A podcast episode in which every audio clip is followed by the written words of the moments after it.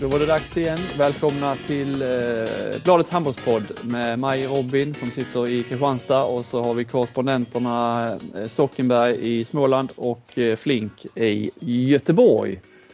Eh, hur är det med er eh, Stockenberg? Är du frisk igen? Ja, jag är väl på väg tillbaka efter en, ja, efter en jävla vända med hosta och feber och halsont. Så då, ja, så var det mycket handboll på tv faktiskt. Det har räddat lite av den, ja, den veckan som har varit. Är det någon gång man kan vara sjuk så är det ju under ett eh, mästerskap. Så har man liksom, eh, det, det är ingen som förväntar sig någonting annat av en eh, än att man ska ligga framför tv. Ja, nu missar jag en massa, massa utbildning, men det, ja, det, det får vara som det var. Jag var i alla fall sjuk, så det är inte så mycket att göra åt. Skulle du varit på det här stora Ja, men var det- som Flink? va? Ja, det var ju alla på som finns i hela världen. Men eh, vi hade ju samtidigt en mastercoach under tiden. Mm. Jag missade ju del två där, men det var inte så mycket inlämningsuppgifter och sånt där. Utan jag, jag missade ju mest föreläsningarna. Eh, sådär, så, men jag har väl tagit del av vad som har sagts där. Och sen, ja, det väl lite, blir väl lite mindre övningar till mitt lag då. För det är ju alltid efter en sån där kurs så har man ju lärt sig massa övningar från Ortega och Daniel Birkelund och vad det nu var för föreläsare. Och kanske Flink också lärt sig en del nytt nu då med, när du har varit på eh, den här pamp. Det var väl handbollspamparna och, och du då? Ja, ja, pampar vet jag inte om de är, men eh, nej, men det var det. Det, det var kul och eh, det var både intressant och eh, ja, på alla sätt. Och, och lite hänga i den miljön när man ändå var så Men nära. visst är det så Flink att tränare överlag, det är ett gäng kufar? ja, Ja, den uppfattningen har man ju faktiskt verkligen. Nej men de hänger alltså jag, alltså bara att jag ser bilder och sådär. Så ser man ju vilka som är i pakter ihop på sådana Ja, där kurser. Det är kul att se vilka som sätter sig ihop på de här föreläsningarna. Vilka som sätter sig ihop. Det är ju fika och middag och vilka som ställer sig och snackar och, och, och sådär. Va? Det var ju eh, ja, det, fanns väl många sådana grupperingar. Hallbäck eh, och Dennis Sandberg vek ju inte från eh, varandras sidor särskilt mycket kan jag ju säga. Tony, Tony var väl med där och sprang bakom också. Tony var med i det. De satt ju ett gäng, jag skulle tagit en bild där. De satt ju framför mig på någon föreläsning. Då var det ju Tony Sandberg, Hallbäck. Ja, Jag precis. fan inte på vem den fjärde. Men det var någon som, som eh, passade in där. Det var någon. Eh, Var det inte Engblom? Var inte han med där? ja, han var med men han satt inte där. Det här var ju mer, mer egentligen kan man säga så. För Pontus Ward Wiklund kan ha suttit där. Eh, Alltså det var de här tidigare eller nuvarande ungdomsförbundskaptener. Ja, precis. Ihop med de nya. Ja, det var de gamla och de nya. Ja, ja precis. Va? Det, det, Det var gänget lite de körde, jobbade lite fadderverksamhet där. Ja, ja.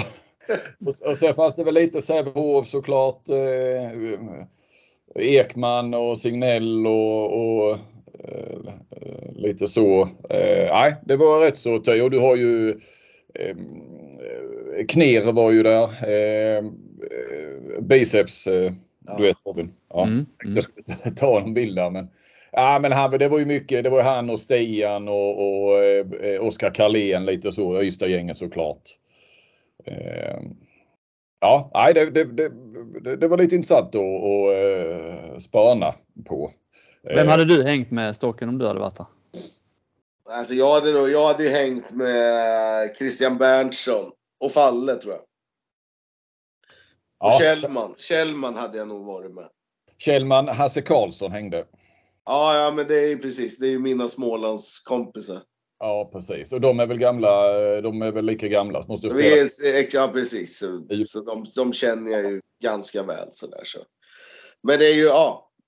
Det, det är lite kul det där, för det var ju först när man kom upp till handbollsligan och sådär, så var de här ja, träffarna där, ja, inför uppväxtträffarna. Då, var då är det ju verkligen liksom, då är man ju med sin sportchef och då är det liksom att man ska sitta med vissa. Men jag sket ju i det där. Jag, jag satt ju med, med Ola Lindgren, eller det var han som satte sig med mig. Alltså min, Ja. min första upptaktsträff. Så det var, det var ju rätt kul faktiskt. Ja, ja. ja det var Udda par du och Ola Lindgren fast ändå inte på något sätt.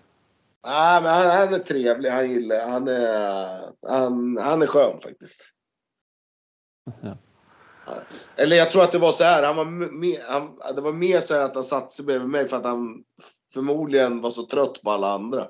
Efter 6-7 år liksom. ja. Så, ja. Nej, men det är, det är lite intressant det där. Ja. Sen blir det för kufar så, men, men kvittar med nästan vilken eh, yrkesgrupp du, om du sätter, då, sätter ihop dem så eh, en helg så, så det, det blir väl, alltså vi journalister blir väl kufar eh, också för att man bara grottar ner sig i, i sitt eget på något vis. Eh. Ja. Men jag är ju sådär lite när jag är på de där kurserna och sådär. Det är klart man ibland, alltså blir ett, alltså att man känner vissa bättre än andra. Men jag försöker ju liksom förkobra mig lite liksom och, det, och lära känna andra människor liksom. Alltså, mm. det, det, det, är en del av de här utbildningarna och alltså utbyta erfarenheter. Alltså, så Christian Berns han pratar ju med varje dag annars liksom. Så det är ju, ja. För ofta får man ju en helt annan bild av, alltså till exempel tränare. Alltså jag kan känna att jag ja, har ju gått bort mig på en hel del liksom som man har mött och man tycker den där jävla idioten och sen när man väl börjar prata med den och lär känna den så är den en jävla fin människa liksom. Ja, för när du träffar den personen så är det ju match och då är det ju rätt många som eh, förändras, vars personlighet förändras. Egentligen. Jo, så är det ju. Så, så, så, så är det verkligen. Men ja, lite... Ja, människan är som sådär, flockbeteende.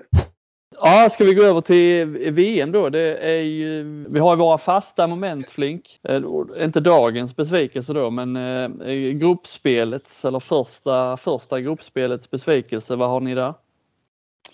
Jag kan börja på den. Där har jag, eh, eh jag har VM-formatet och eh, de, de eh, Alltså att de här lite svagare nationerna eh, var ja, i princip så svaga som, som man befarade och eh, jag tycker inte det här håller. Om 32 lag, det, det, liksom, det, det kan man egentligen tycka vad man vill om. Nu finns det där, det kommer inte att försvinna för de kommer inte att liksom, de backar aldrig från en sån grej utan vi får leva med 32 lag. Jag kan fatta eh, syftet det här med att sprida det och så. Jag tycker att det är fel att det ska få liksom åverkningar på, på, på den största av scener som ett handbolls-VM är. Men och ni vet att jag är ju, eh, gillar ju de här eh, mellanrundor och dubbla gruppspel och sådär. Men eh, jag har funderat lite grann här nu och eh, jag tycker att man, om man ska ha 32 lag, så tycker jag man ska gå på fotbollens eh,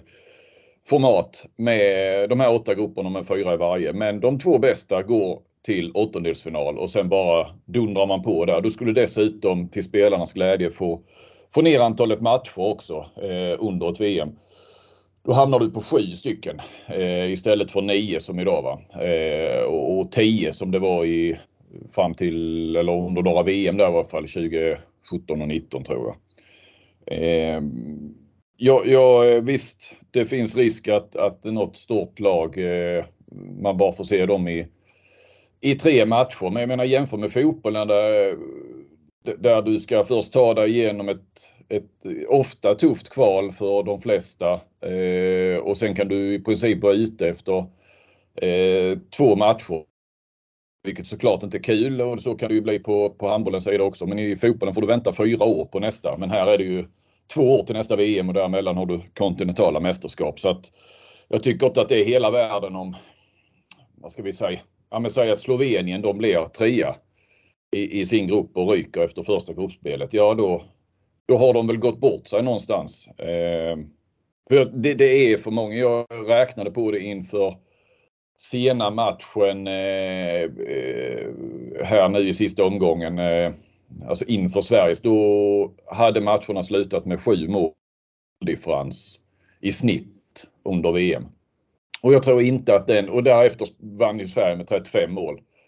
Eh, så jag gissar att den har förmodligen ökat kanske ett par tre mål så att hon gissar att vi ligger på en 8, 9, 10 i, i måldifferens i snitt i matcherna. Det är, det, det är för mycket, för stort. Ja, det, är, det, det, är inte många matcher här i sista omgången eh, i någon av grupperna som liksom har haft någon betydelse. Nej, man får ju plocka ut, det var väl eh, Nederländerna och Norge då ju som såklart ja, i, stängningen kommer ju. Men det var ju Nej, det var väl något, knappt något lag liksom som det fanns risk att man skulle åka ur VM. Eh, jo, jo, det, alltså ja, det fanns. Men det var ju så självklart hur det skulle gå. Det, vi hade väl inte en enda hade vi en enda överraskning. Jag, jag menar att USA slår Marocko. Det är ju en D-nation som slår en C-nation. Eh, det, är väl att, det, är väl att mitt, det är väl att mitt Belgien slog Tunisien. Ja, ja. det måste vara den största så, på förhand i alla fall. Men då är det ändå ett europeiskt lag som slår ett utomeuropeiskt. Man hade ju velat se Ja. Tvärtom. Fast det, eh, ja, just Tunisien, Belgien hade väl inte varit eh, någon skräll då såklart. Men, eh, eh, vad, vad, säger ni om mitt förslag då? Nej men alltså jag håller med om formatet. Jag tycker inte det har varit... Alltså jag har inte upplevt det från TV-soffan att det har varit så där brutalt ojämnt. Eftersom man har... Alltså man har fyra matcher att välja på varje omgång. Om, om ni fattar liksom. Mm. Man har hela tiden valt, det har alltid funnits kanske två matcher som man vet det här kommer bli hyfsat jämnt och så är det alltid någon av de här som blir jämnare än man tror och då slår man över till den. Liksom. Men, men jag, jag håller med om att eh, jag tycker att det är för mycket att det är tre som går vidare från gruppen. Det hade räckt med två. Ja, det, det, det är ju ett alternativ ju. Att, eh, ja. som, eh, som i EM då på, på sätt och vis och sen eh, Ja, eller göra större, färre grupper men fler lag och så eh, ändå slutspel direkt efter. Ja, och, och, och i ett slutspel där, där går det ju, där kan vi ju få lite halvskrällar. Ja, det är inte att, att Saudiarabien slår, eh, eller nu går de inte vidare, men det är inte att USA slår Kroatien. Eh, nu möttes de ju då igår bara för det. Men, men du kan ändå få de här där kanske Ja, men där kanske Bahrain kan, eh, kan slå Kroatien till exempel. I, i över 2 gånger 30 eh. Ja, och Island kan slå Sverige. Ja. Och, och det får liksom pang bom så, så eh, eh ja, dels är de vidare till kvartsfinal. Du får, som, jag känns, som det känns nu, känns ju nästan Ja faktiskt, nej inte alla, men även mellanrundan här nu känns ju Det blir betydligt roligare. Det är ju verkligen VM börjar på allvar den biten. Men ja, rätt många kvartsfinallag som känns klara, halvt klara redan. Ja, det är det faktiskt. Um, ja, vad har ni fått besvikelser då? Stocken? Nej, men besviken, jag är ju lite mer sådär på lag och men rent generellt alltså. Oh. Jag tycker ju, alltså det, man ser ju att Balkan halkar efter. Det har man ju mm. liksom sett nu under några mästerskap, men nu är det väldigt tydligt. Alltså ett sånt lag som Montenegro, de har ju problem med Chile och Iran. Alltså Kroatien ligger under i stora delar första halvlek mot Marocko. Eh, Serbien, ja. De har väl varit skap, men liksom de har ett problem med Algeriet i första matchen. Alltså i stora delar. Sen rinner det iväg lite mot slutet, men alltså de... Överlag tycker jag alla Balkanlag är så fruktansvärt underutvecklade med, ny, med den nya handbollen. Ja. Eh, absolut. Och Kroatiens första där mot Egypten var ju... Chanslösa ju. Mm. Ja, ja, nej de har ju sett bedrövliga ut. Eh...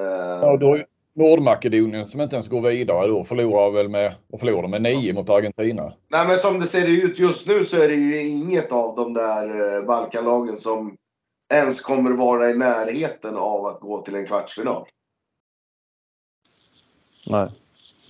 Ja, jag, har, jag har med Nordmakedonien som min, eh, som min besvikelse där med mm, det man jag tippar väl dem ändå sist i gruppen, men att det ändå, eh, det var ju en rätt, den var ju rätt jämn den gruppen också med Argentina och Nederländerna där, ja, och Norge. Men eh, att de tre lagen kanske skulle slåss om det lite mer, men att Nordmakedonien förlorar med 10 mot allihopa är ju eh, trist. Eller trist, men jag, jag gillar Nordmakedonien lite grann.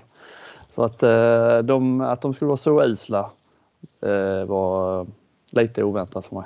Jag vet inte om ni hade bättre koll på dem inför. Men ja, jag vet, men de har ju tappat, de har ju tappat alla som var bra. Alla som var bra, förutom han Mannaskov, var ju sluta. Mm.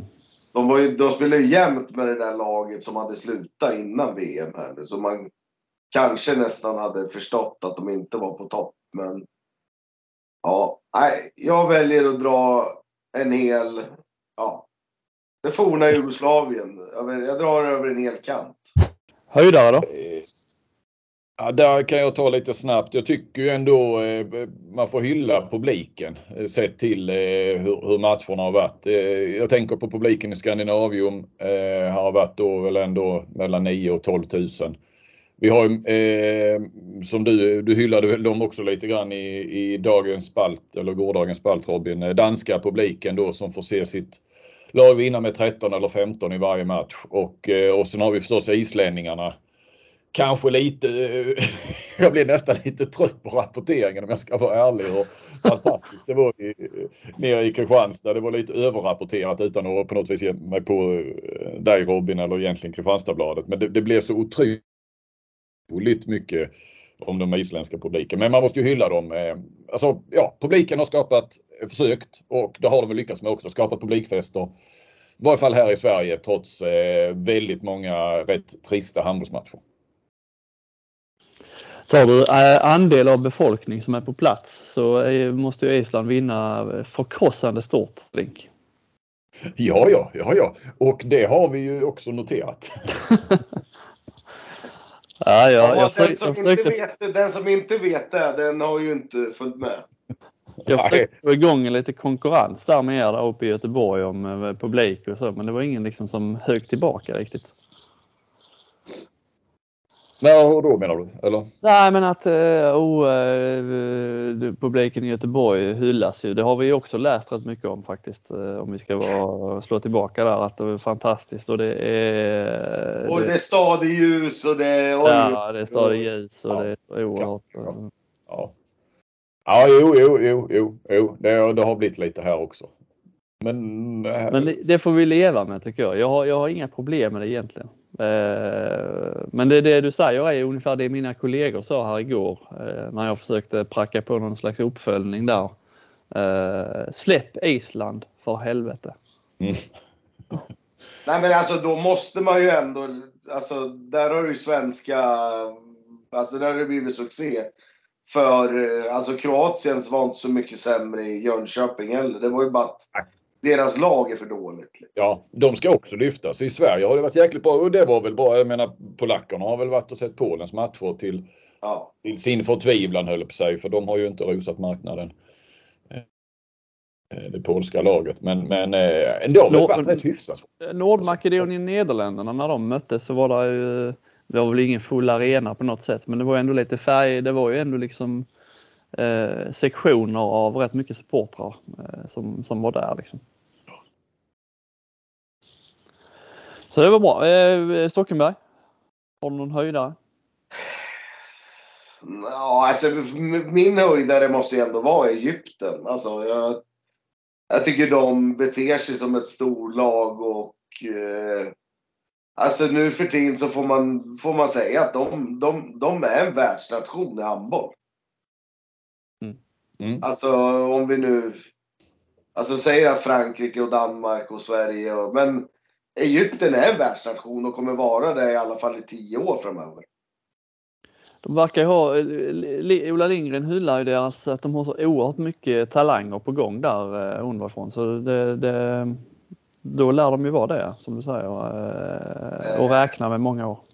Nej men alltså de, de har ju höjt till exempel försvarsspelet till en ny nivå som inte jag har sett. Eh, liksom man ofta hyllar de här springhandbollen och, och, och det där och att vissa spelare är så jäkla... Men de tycker jag har höjt försvarsspelet till en nivå. Det har jag tittat på som tränare till exempel. Liksom, hur de jobbar och... Alltså, det är klart han jobbar lite spanskt med dem, men det är, det är spanskt på deras sätt. Men alltså fått in deras fysik i det här försvarsspelet också. Med smartness. Mm. Eh, I alla fall min spaning. Jag, ska, jag eh, har bara sett dem mot eh, Kroatien där i första matchen men eh, jag håller med av det jag sa då. Jag har ju Nederländerna som höjdare så här långt. Man var ju orolig att de inte skulle charma på samma sätt som de gjorde i EM. Var inte imponerade supermycket inför men ehm, de är ju i allra högsta grad med. Igår mot Norge var det ju fantastiskt eh, i alla fall i, ja, det var kanske 30 minuter eller 35 minuter när de eh, man var ju säker på att de skulle ta den matchen men eh, det gick snabbt, snabbt ut för sen när de fastnade. Men jag tror att de kan nog eh, liksom fortsätta skapa bekymmer ändå i, i mellanrundan. Jag tror vi får räkna, räkna med dem. Det är kul att se med, med den. Eh, det är väl det tempolaget som jag tycker är roligast att titta på.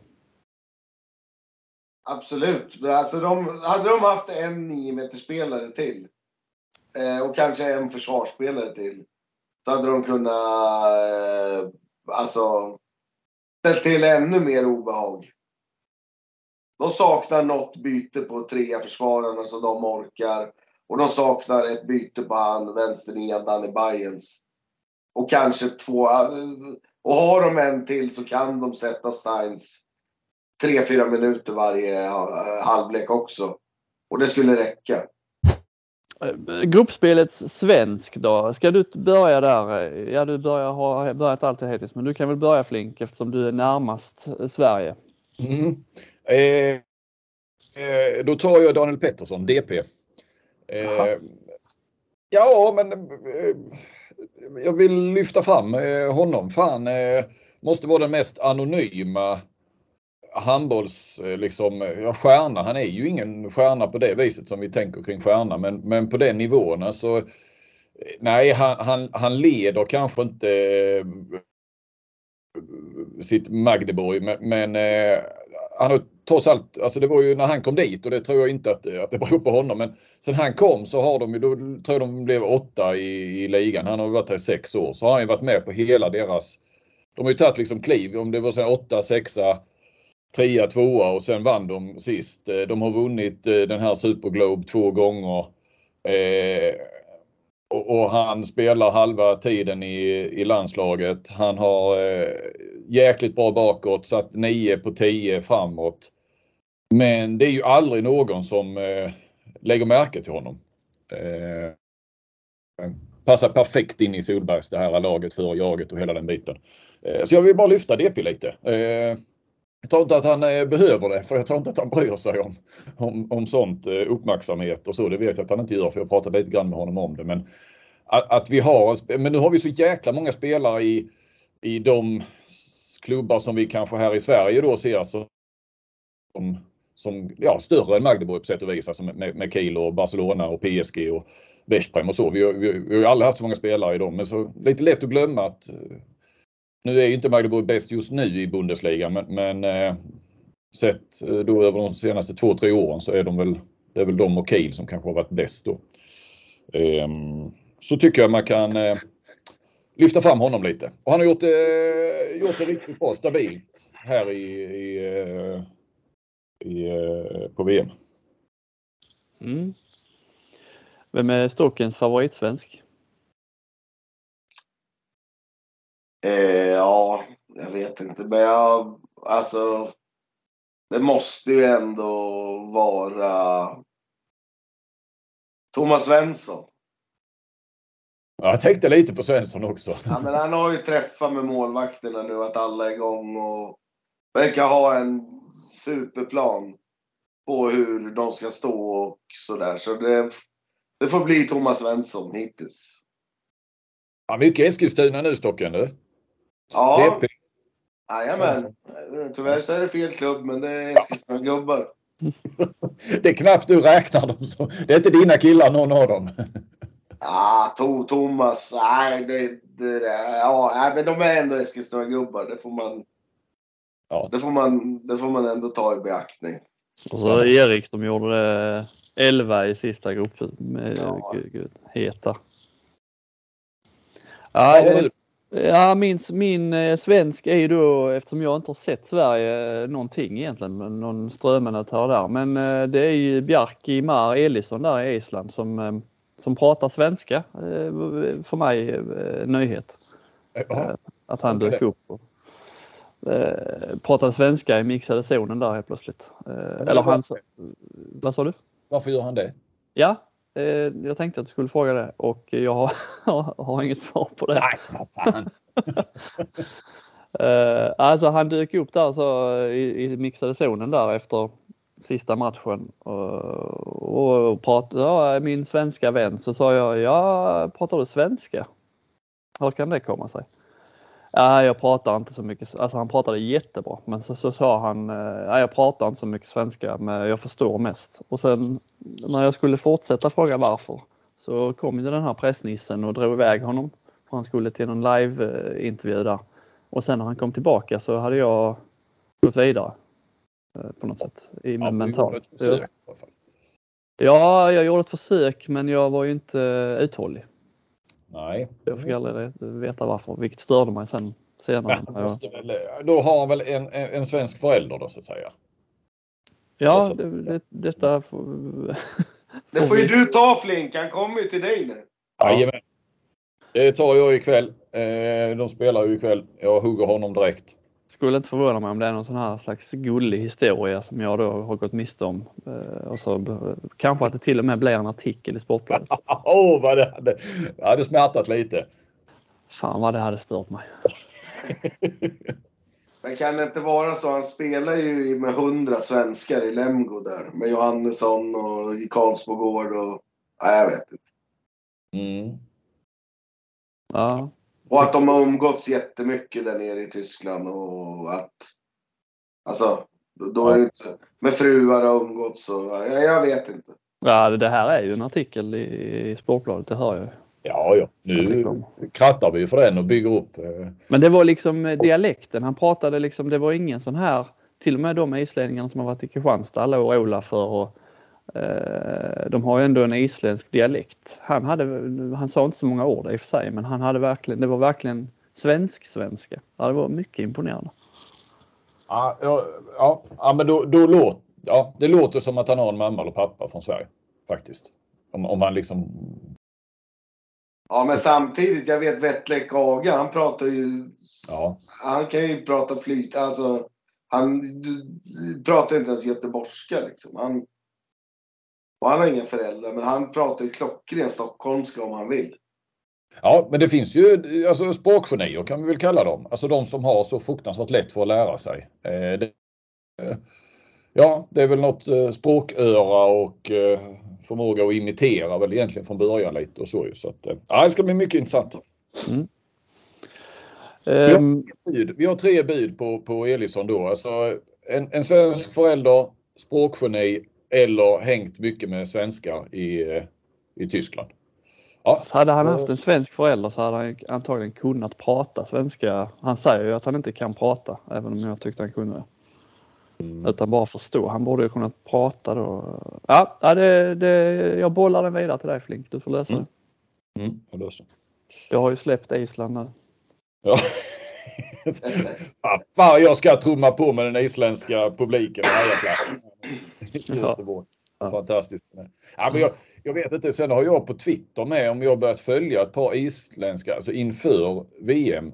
Det känns som hela mitt flöde fylls av, eh, av is, kopplat till isländsk handboll. Där är någon som twittrar något otroligt. Eh, och sen har det varit, eh, vad heter han, Fröberg där också som jag också har som har också bankat på med Mm. fantastiska islänningarna och så. Eh, power ranking. Nu kommer vi till detta eh, Flink. Hur, hur ser, hur, eh, vilka tre lag är liksom guld, silver och brons för dig så här långt? Oj, ja men jag, kanske inte ska, jag ska inte ska vinkla det på det sättet. Men eh, Nej. eh, kör dina tre favoritlag. de som har imponerat mest på mig är Frankrike, Egypten och Tyskland. På sätt och vis. Alltså Danmark har också imponerat och, och alltså, Ja, men kan- nu, nu, det är tre lag. Ja, mm. Men jag säger de tre utifrån både kanske vad jag förväntade mig. Ja, jag hade höga förväntningar. Frankrike. Men, men ändå som, som så stabilt det har sett ut utan Dicka Mem i två matcherna och alla skador och, och så. Men det har det väl gjort förr med dem. Egypten har vi ju pratat om. Eh, och sen, sen, är jag faktiskt lite överraskad över hur, hur, hur stabila Tyskland ser ut så här långt med Knorr i, i spetsen. Han är väl, känns som han är världens bästa spelare just nu. Remili otrolig, verkar ju också eh, otroligt eh, vass just nu. Vad är det med Mem? Är han skadad eller? Ja, något tror magmuskel eller någonting sånt här. Eh, men, men, jag menar, han är ju kvar i truppen så att säga. Och så. Eller ja, han kanske är utbytt rent, eller att han inte är med i matchtruppen såklart. Men, men eh, det känns som att de, jag menar som sagt, de kan ju vila eh, i första gruppspelet de här matcherna. Nu får vi ju se däremot när det börjar hetta till för då hur skadade de är. Mm. Stockenberg? Egypten är ju min solklara etta. Jag tycker de imponerar mest av alla. Sen tycker jag Danmark har jag svårt att se något lag som rår på.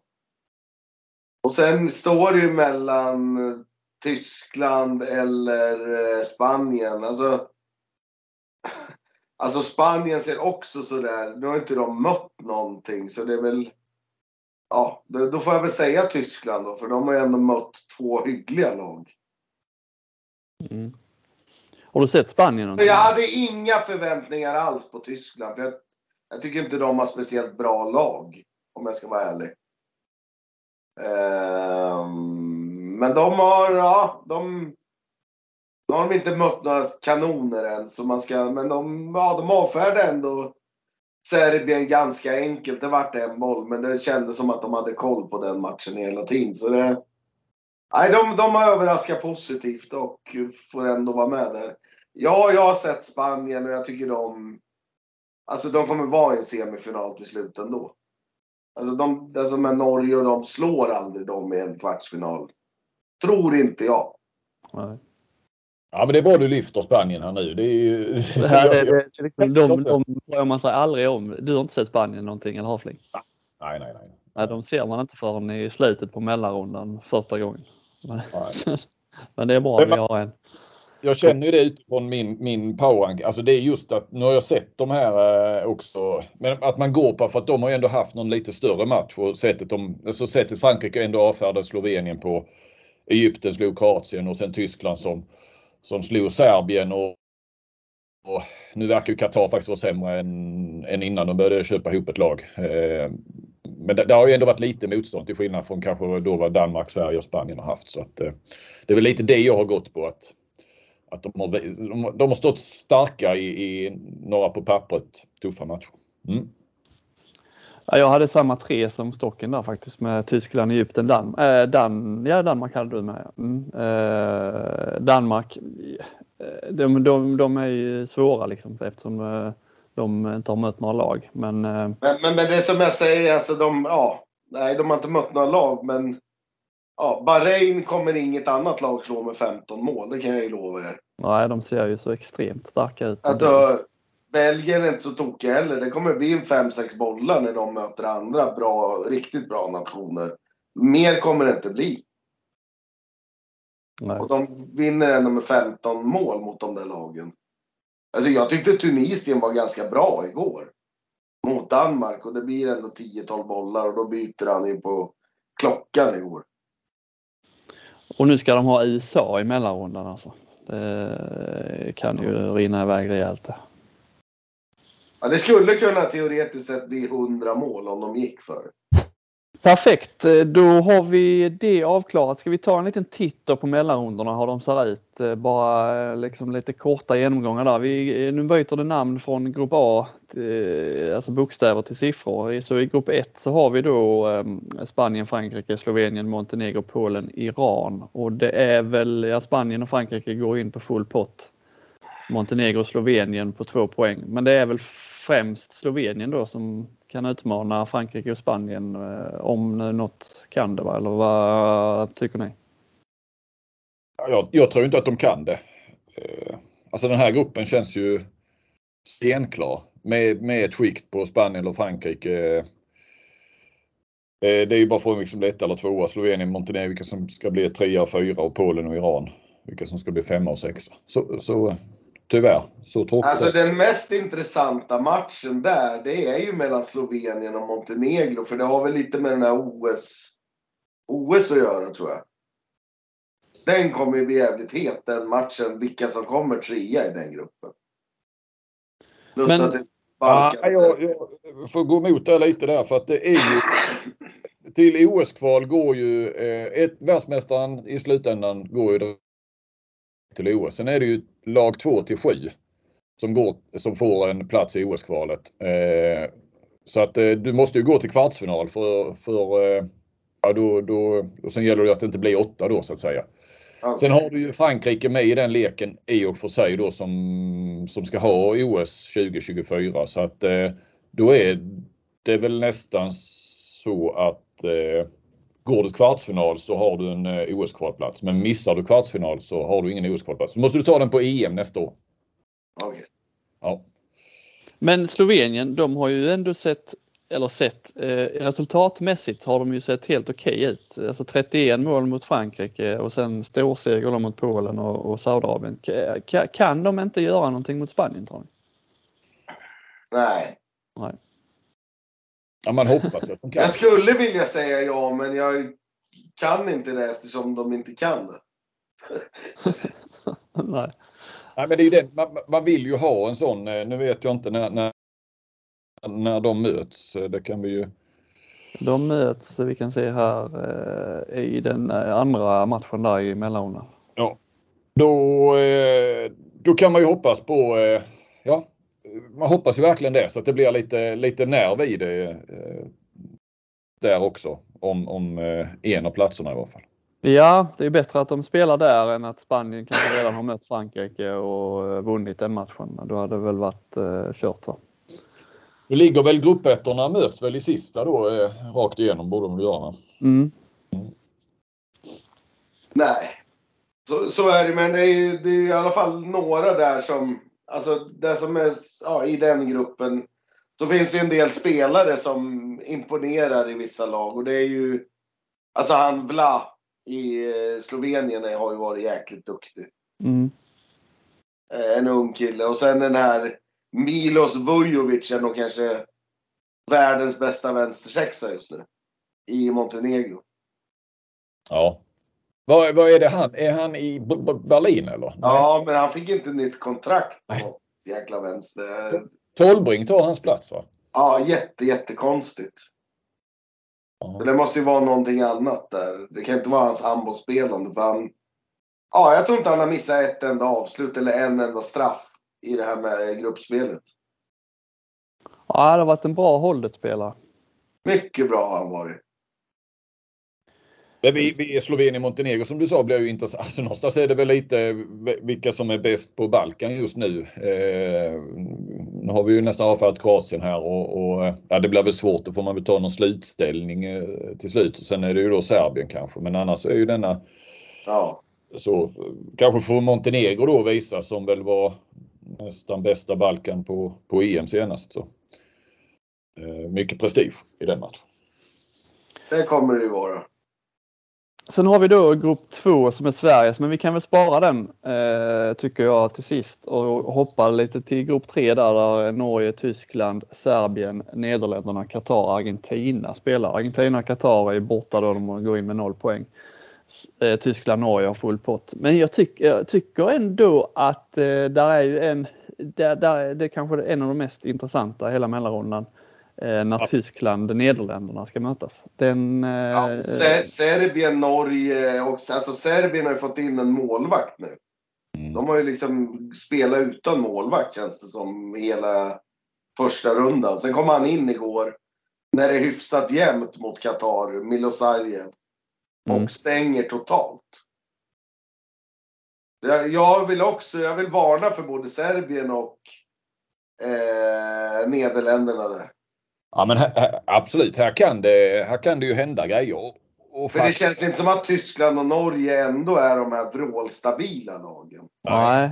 och, och, och du har ju ändå i, i, i slutändan, du har ju ändå Qatar och Argentina. Argentina brukar kunna skrälla en gång Ja. per, eh, eh, om du jämför att du har Bel eh, Belgien och USA i, i, i, nästa grupp. Du har Iran där, du har Kap Verde i, och nästan Brasilien också ja. i, i, Sveriges grupp. Så här kan, det, här kan det bli en skräll från de här nollpoängslagen och det är tajt med topp 4. Så den, den absolut intressantaste på förhand. Ja, det tror jag med. Ja, ja. Jag är inte helt säker på att Tyskland och Norge går vidare där när, när vi sammanfattar allt. Nej, Nej. håller med. Eh, grupp 4, eh, det är ju Danmarks grupp då. Eh, Danmark och Egypten på full pott. Kroatien, Bahrain på två och Belgien, USA på noll där Europa om sista platsen. Bahrain eh, kanske också blandar sig där om sista platsen. Eh, men Kroatien har inte sett ut att ha någonting med det här att göra och det är väl den här gruppen eh, en av dem va, som känns rätt klara att det blir Danmark-Egypten. Ja. Egypten har ju som sagt de slog ju, när de slog Kroatien direkt så tog de ett stort steg mot kvartsfinal. Det är väl bara att konstatera. Ja. Det som är mest intressant där, det är väl att se Ja, jag vet inte hur de kommer mäta sig, men jag, jag, jag tror ju att det kommer bli en sju helvetes match mellan Danmark och Egypten. Mm. Mm. Lite, ja, nu ska jag inte säga det, men snoppmätartävling. Mm. Vem som, alltså lite styrkeförhållanden där inför ja, det riktiga slutspelet sen då. Ja, och Jakobsen Parondo, det är väl ändå två av de som rankas som de bästa. Ja, jag tror ju efter den där eh, straff, straffdramat nere i Egypten så är ju Egypten grymt revanschsugna. Ja precis, just det, den maratonmatchen ja. där. Så um, ja, den ser man ju fram emot även fast den ja, inte kommer att ha med, alltså, ja, med vilka som går vidare att göra. För det kommer ju de två lagen, eh, tror jag, de kommer vara helt outstanding.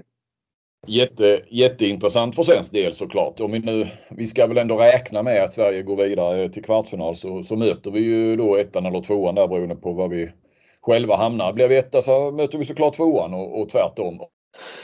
Och Danmark och Egypten möts ju alltså dagen efter Sverige har spelat klart sitt gruppspel. Eh, nu tror jag inte att man liksom, ja. Det, det borde väl för båda lagen om vi, om det går som vi tror då ändå att Sverige ska förhoppningsvis vinna den här och se så där starka ut som man borde kunna göra så, så vill väl båda lagen Sverige såklart. Men om Sverige kommer tvåa, vilken etta får man då? Får man? Ja, i, i den gruppen. Då får okay, du ju Danmark. det spelar ingen roll, kommer vi vi får möta ett av eh, Egypten eller Danmark oavsett om vi kommer ett eller tvåa. Precis. De två ja, grupperna kostar va? Mm. Ja, då blir ju Sveriges kvartsfinal blir ju... Ja, det kommer ju bli ett helvete alltså. Ja. Ska vi gå in på Sveriges grupp då? Ehm, grupp 2. Sverige full pott, Portugal, Island, Ungern på två var. Ja, Brasilien också på två. Cape Verde på noll. Den är ju vidöppen så tillvida åtminstone vilket lag bakom Sverige som eh, ska ta den kvartsfinalplatsen. Tycker ni ja, eller, det, eller är det vidöppet? Ja, tycker ni att det är otäckt att, att det lever så mycket för, för svensk jag tycker, jag tycker tvärtom. Alltså jag, känslan är att Sverige är mycket, mycket bättre än de där tre lagen. Mm. Och att Portugal, att de vann den gruppen, att det gör att de går till kvartsfinal. Ja, jag är inne på det att det kommer bli att eh, de, Portugal, Island och Ungern, att de slår Brasilien allihopa och förlorar mot Sverige allihopa. Och då, alltså det enda är ju om Island kan slå Sverige. Det är ju det enda som... För det kan inte Ungern och det kan inte eh, Portugal göra. De kan inte slå Sverige, tror inte jag, i Sverige.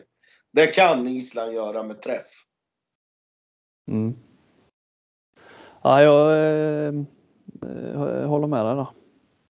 Och, och, och, går det så, alltså att Sverige vinner resten av sina matcher och, och, och Island slår Sverige. Ja, ja, då blir det ju ri... Hur fan. Men vilka har Sverige sist där? Har de Portugal sist? Ja. ja. ja då, då är det ännu mer som talar för Portugal. För då, om Sverige har vunnit sina två, då, då kan de ju släppa den mot Portugal och ändå ha vunnit gruppen. Nej, ja, eller, ja. eller i alla fall. Jag tror att Sverige kommer välja så att de inte får möta Danmark. Ja, men de kan inte välja. De, Danmark spelar efter. Okej, okay, ja då är det ju ännu sämre. Så det är nog bara att gå på gruppseger och, och, och lita på att Danmark förlorar. Också går. Nej, nej, Danmark ska ju vinna sin grupp då ju. Ja, precis. Det intressanta är ju om Sverige slutar tvåa i gruppen och då kan ju Danmark och Egypten, eh, nu, nu, nu är det alltid vi som är roligt att spekulera utifrån och jag, jag tror ju ofta som vi brukar prata om norska damerna, jag tror ju egentligen att lagen när det inte är större skillnad att man går för att vinna varenda match. Så att, eh, för slutar Sverige tvåa då, då, eh, och Portugal vinner. Ja, vad skulle du vilja ha i en kvartsfinal det hade varit Danmark? Jag hade väl hellre tagit Portugal än Sverige kanske ändå. Ja, alla, dag, alla dagar i veckan för då vet de att de vinner. Ja, och då vill man ju sluta tvåa i den gruppen menar jag. Om det är så att Portugal har, har vunnit Sveriges grupp. Ja. Och det är det som kommer göra den här Danmark-Egypten ännu mer intressant. Mm, mm. Eh,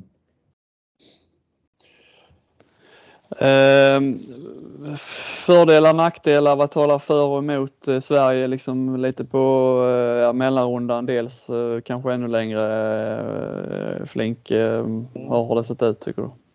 Jag som initierade lite den här programpunkten lite med vad jag vill att vi bara ska, om vi ska prata om Sverige, att vi pratar om vad som varit bra och mindre bra. Eh, jag skulle faktiskt ändå vilja lyfta att man har lyckats klockrent med den här eh, bytena på, på klockan eller så nu. Med, med facit i hand så är alla spelare är ju inne i turneringen och eh, det är ingen som är, eh, kan vara sliten. Ingen har spelat mer än halva, halva tiden och många har spelat mycket och så. Det, det måste ju vara rätt skönt att efter tre, tre matcher i ett VM kunna gå in med, med så fräscha och sen också att man faktiskt inte har några, några skador. Eh, alltså Sverige har ju varit väldigt förskonade från skador egentligen under hela Solbergs tid. Eh, jag hoppas lite grann att det inte bara är en slump. Det, det, det, är klart att det är lite turligt på många sätt. Vi, Erik Johansson och Gottfridsson så de här kom ju i rätt tid och i, i höstas. Men att man kanske också, eh, de pratar mycket om det jobbet de har gjort kring fysiken och vilken koll de har på spelare och, och, eh, och sådär. Att där, där finns någonting där som de, som de har byggt upp. Eh, sen kan man inte skydda sig mot alla skador som sagt och det, det är lite tur. Men eh, om jag tittar ändå nu som eh, Lauge i Danmark, eh, Mem i Frankrike och får inte prata om Frankrikes alla skador, Kroatien sådär. Det, Sverige har ju inte några, det är Wallinius då men det, det var liksom trea trean på vänsternio. Eh, och inga nya skador här och så. Eh. Nej, nej och eh, inga covidfall. Nej precis, det är ju det som har stökat för Sverige tidigare, inte skador utan de här eh, coronafallen i de tidigare mästerskapen. Eh, och att man, jag skrev det, det är väl också en så här lite att man har ändå kunnat bara köra på utan att behöva visa någonting. Eh, Gottfridsson sa ju det i paus eller i timeouten i första halvlek mot Uruguay att nu bara spelar vi. Eh, vi springer och vi spelar och så vi avslöjar ingenting. Eh, så att man har ju ändå kunnat spara också i de jag pratar med dem efteråt om det. Att om, om, man har lite S i rockarmen så har man inte behövt visa någonting av det. Det, det har ju säkert inte Danmark heller behövt göra såklart. Men eh, eh, det är väl några grejer som som talar för. Eh, mindre tror, bra eller så? Eller? Ja, nej, bara, om jag får, vi kan väl ta, vi, får jag med tycka någonting där? Ja, det är klart. Ska vi ta det positiva först? Ni kan bara ja. ha. Nej, men jag har inte sett dem så att jag, jag, jag ska inte vara liksom eh, komma med några eh, sådana stora analyser. Men jag tänker att det kan vara rätt gött att ha, ha att Erik Johansson ändå fick göra 11 mål nu. Inte bara för hans egen del utan för att eh, du liksom Solberg kan känna det att det där är en spelare som är på gång där eh, bakom Karlsborgård och eh, klar kanske på, på vänsternio. Att eh, verkligen få igång honom eh, inför de lite tuffare matcherna tror jag eh, kan vara rätt viktigt. Ja, han har haft det tungt ju men eh, faktiskt. Eh, matcherna mot Serbien och de två första matcherna här på VM har inte varit något. Han har inte övertygat när han nu har kommit tillbaka från sin skada. Och Så vet vi potentialen och sett honom i, i höst här i Kiel. Så att, eh, det tror jag håller med dig. Väldigt viktigt. Vad har du på pluskontot eh, Stocken? För svensk Nej, men jag, jag, tror ändå det är viktigt nu att de har fått de här tre matcherna med alltså, fullsatta arenor och att nu, nu har det blivit som en vanesak istället. För det, det var ju, ska man vara riktigt ärlig, så var det ju riktigt skakigt mot Brasilien i första matchen. Alltså det, mm. det var ju, de var ju vrålnervösa. Mm. Eh, och att det har släppt nu och att nu kan man dra fördel av det istället. Alltså det är väl min känsla. Sen givetvis det här att de har fått, alltså energimässigt och allting. Liksom, det är ju ja, det, det, är helt omöjligt att någon är sliten just nu. Mm. Eh, men, men alltså ser man liksom de här ja, eh, andra lagen de kommer möta nu, de har ju fått gått på hörntänderna i princip varenda match. Ja. Eh, och det tror jag också kan vara nackdelen om vi går in på det. Mm. Att, att det nu är ett helt annat jävla motstånd liksom. Att, alltså, ja. De här tre lagen är ändå ganska kompetenta. Eh, sådär att det blir en chock. Att fan, oj, är det så här vi måste komma upp? Det var lite så jag kände med Norge igår. Eh, alltså wow, fan det här går undan, det här går snabbare, det här bättre målvakt, bättre allting någonstans liksom. Att det tog en halvlek för Norge att akklimatisera sig till det. Mm. Ja, ja, ja det, det är ju det i den andra vågskålen, helt med dig. Ja. Nu, nu, det, jag, jag, tror både det är en fördel och en nackdel liksom. Men, men jag tror sen när vi börjar kolla ännu längre fram så är det ju bara en fördel att man inte har fått gått på hörntänderna nu. Ja, ja. Eh, så, så där, men det, det, kan vara lurigt i en första match. Jag vet själv liksom nu, ja. Eh, ja, jag vet hur det är efter ett uppehåll eller efter liksom och så går man möter man ett lag som är igång redan och liksom ja, inne i det. Mm. Så är det risk för att, och det är liksom, fan hade inte Norge till exempel igår haft tre ner istället för, eller vad var det, fyra i paus, hade det varit sex, sju ner, då hade det ju i princip varit kört. Mm. Och det är där man är lite rädd för med historien där på hemmaplan och Portugal och det här liksom att, ja, så får man sådana déjà vu-upplevelser. Liksom. Jag tror ju att det mycket väl kan, eh, som ikväll här då, vara, vara jämnt i 40 minuter och se eh, lite oroligt ut. Men eh, Sen tror jag att Sverige i, i längden i rätt många matcher, alltså i de här tre matcherna kan det nog vara jämnt rätt långt in i. Men sen så förhoppningsvis ska väl både då att, att de är fräschare och att de har den här grundkvaliteten och att Sverige verkligen, jag menar Holland har ju ingenting som vi var inne på. Det, det blir ju sån markant kvalitetsskillnad när man byter någon spelare, framförallt på 9 meter. Men eh, det är ju snarare, snarare så om, om vi nu ska titta på första uppställning så framåt så blir ju Sverige bättre när man byter ut Karlsborg mot Erik Johansson. Eh, ja. Till exempel. Eh, och är vi inne på, på ja, men det här som, som vi är inne på nu, alltså, kanske frågor mindre bra. Så det, är ju, känns ju ändå fortfarande som att Felix Klar inte riktigt får ut i landslaget. Va? Det har vi väl sagt rätt länge men det finns ju ännu mer där. Eh, ja, det, han kommer ju aldrig, han kommer ju aldrig vara den spelaren han är i Ålborg så länge Gottfridsson finns. Så Nej. är det ju bara. Ja. Det är bara att titta, du, vi, vi berömmer de här Remeli och de där. Han har ju varit klappkass i Kielce. Men det är ju för att han liksom har fått stå bakom Dutjebajev. Ja. Alltså det, det, är ju så spelare, när Schmitz, han är ju kanske, ja vi tycker ju varje mästerskap, det måste vara världens bästa högernia, men han, han vill ju inte Magdeburg ha kvar. För att han är bakom Magnusson. Liksom. Det, är, alltså det har med förtroende, speltid och roll att göra. Liksom. Mm. Det är bara att acceptera att Felix Slag kommer aldrig ha den rollen så länge Gottfridsson spelar. Nej, nej. Sen, men, men sen är det då, då kommer man, man kommer aldrig liksom, han kommer aldrig nå upp till sin högsta nivå så, länge han har den rollen han har just nu. Nej. Men, men sen kan ju spelare klara det där lite olika och vara olika beroende. Jag tror ändå att Klara är, ja, men är en sån som... Ja, han kan, ja. Klara det, han kan klara det hyfsat men han, nej, nej, han, han, kan inte nå upp till den nivån med att få de här 10 minuterna varje halvlek. Det, det är helt omöjligt för honom tror jag. Ja, ja. Nej, men jag, jag håller med dig. Jag tror också att han är beroende av eh, ett, ett större förtroende. Så. Därmed kan jag nog känna att Sandell eh, har lättare för att ta den här eh, eh liksom andra kvarten eller 10 minuter bakom Lagergren. Eh, att få ut mer av, av, av att han får ut mer eh, av sin kapacitet kanske än vad klar i, i en sån roll.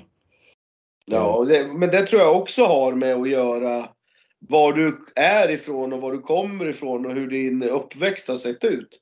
Han har ju varit, alltså Sandell har ju inte varit första val för sista året i Elverum och ja, mm. nu i Ålborg då i ett par år. Mm. Han har ju hela tiden fått kämpa och stått bakom spelare. Både i, alltså i, ja framförallt då i Ystad och även i Elverum första säsongerna. Mm. Um, så det, det blir så Felix Klar, han har ju varit stjärna sedan han var C-pojke i Norrköping. Mm, mm. Han har ju aldrig fått byta i något lag liksom. I Alingsås var han stjärna och direkt när han kom till Ålborg så vart han stjärna. Liksom. Så, mm. Um, det tror jag har lite med uppväxt och hur man eh, liksom har varit matchad genom sin karriär. Ja. I alla fall eh. min, min ja, beiga analys. Men ja, jag, jag, jag, tror ändå att det, man har ändå varit tränare för så pass många och att vissa passar inte med det där. Sen tror jag, som du också säger Johan, så tror jag ändå Felix Klar är lojal. Han är inte grinig över det. Men jag tror han blir är frustrerad att han inte kan riktigt få fram mm. sitt hundraprocentiga med den rollen han har. Mm. Ja, jag, jag instämmer helt i alltihopa. Mm. Eh, något som vi heller inte vet är väl var Sverige står då. Ju, lite inne på det här nu att nu, nu smäller det. Men, men eh, som lag. Eh, vi har inte haft någon värdemätare och, och ja, var står man som lag? Och sen har vi ju hela den här det kan vi komma in på nu då kanske målvaktsbiten. Eh, nu har de ju, det är jättebra, tre målvakter igång, tre målvakter uppenbarligen i, i bra dagsform så att säga. Eh, men hur ska det här matchas nu då när du ska köra två, två åt gången? De har ju satt sig i en, i en situation där vi också kan prata lite grann ändå om, om hierarki och status och vad man, eh, vad man får ut bäst av i, eh, så på målvaktssidan. Vad, eh, ja, vad säger ni där? Ja, nu pratar jag mycket men alltså, jag tror ju att Palicka står alltid när det, när det brinner. Mm. Det är ja, det han... jag har läst mig till och fått till mig. Han kommer mm. stå när det brinner till. När de känner att nu ska vi verkligen vråltoppa här. Mm. Och sen tror jag de kommer ha den, den målvakten jag tror de passar, som de tror passar bäst till det motståndet de har. Ja.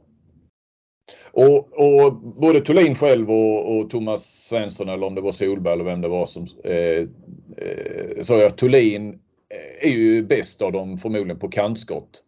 Ja. Eh, om vi bara då leker lite då. Vad är det, är det det, är det Island då så att säga som skulle vara hans match utifrån det perspektivet?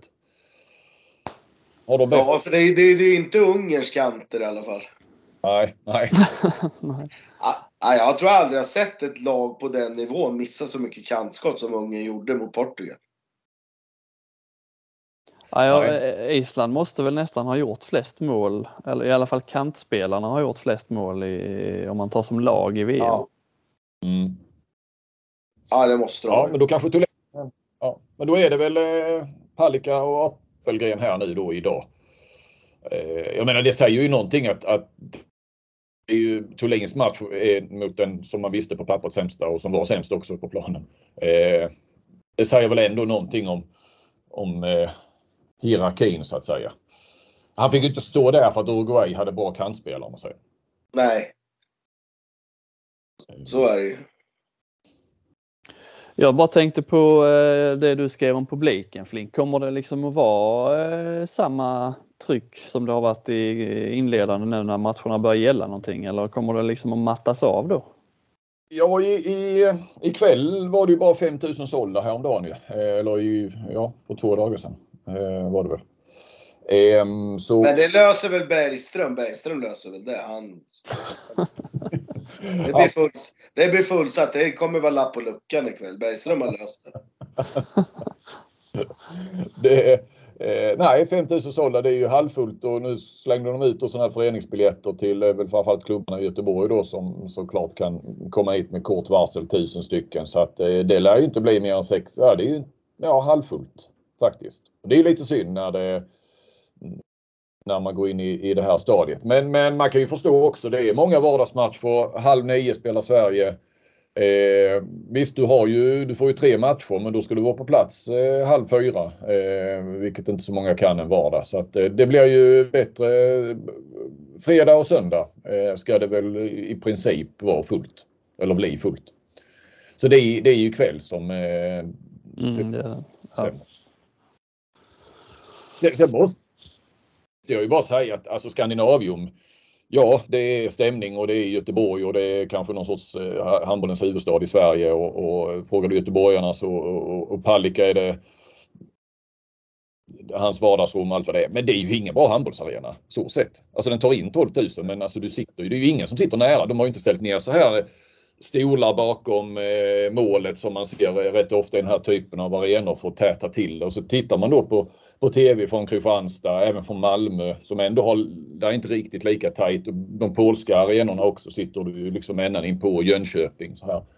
Det är ju... Nej, Nej Skandinavium är ju världens sämsta handbollsarena. Ja. ja, men det, man vågar inte, det är som att svära i kyrkan så här va, men, men eh, Ja, och vi, nu ska inte jag klaga för vår del, journalistgnäll är det värsta som finns, men vi sitter ju väldigt eh, långt ifrån och och det gör ju det. Så man får ju verkligen perspektivet av vad, vad, det är ändå mitt på långsidan men det är ju väldigt högt upp och där sitter ju väldigt många eh, åskådare också såklart med, med det avståndet. Det är ju nästan så du vill ha kika. Du får inte alls den här som ändå är handbollens styrka med, med närheten och tajta så. Mm. Nej, eh, vi får se. Vi får hoppas ändå att liksom... Mer ribbstolshallar! Bara läktare på en sida så studsar ja. ljudet från den sidan och så blir det ett jäkla tryck. Nästa år då ska jag ge en sån här ribbstol till han Patrik Nilsson när vi kommer till Kristianstad Arena. Uh, ja men det är bra. Då uh, ser vi fram emot mellanrundan och uh, vi kommer ju att komma tillbaka med oregelbundna mellanrum då va? Eller hur pojkar? Jajamän, nu går vi all in här. Ja, vi, vi känner av lite grann. Senast så kör vi ju efter eh, mellanrundan men eh, blir det, hettar det till så kanske vi stoppar in någonting här eh, igen framåt helgen eller något. Ja. Det är bra. Tack för att ni har lyssnat. Ha det bra. Hej.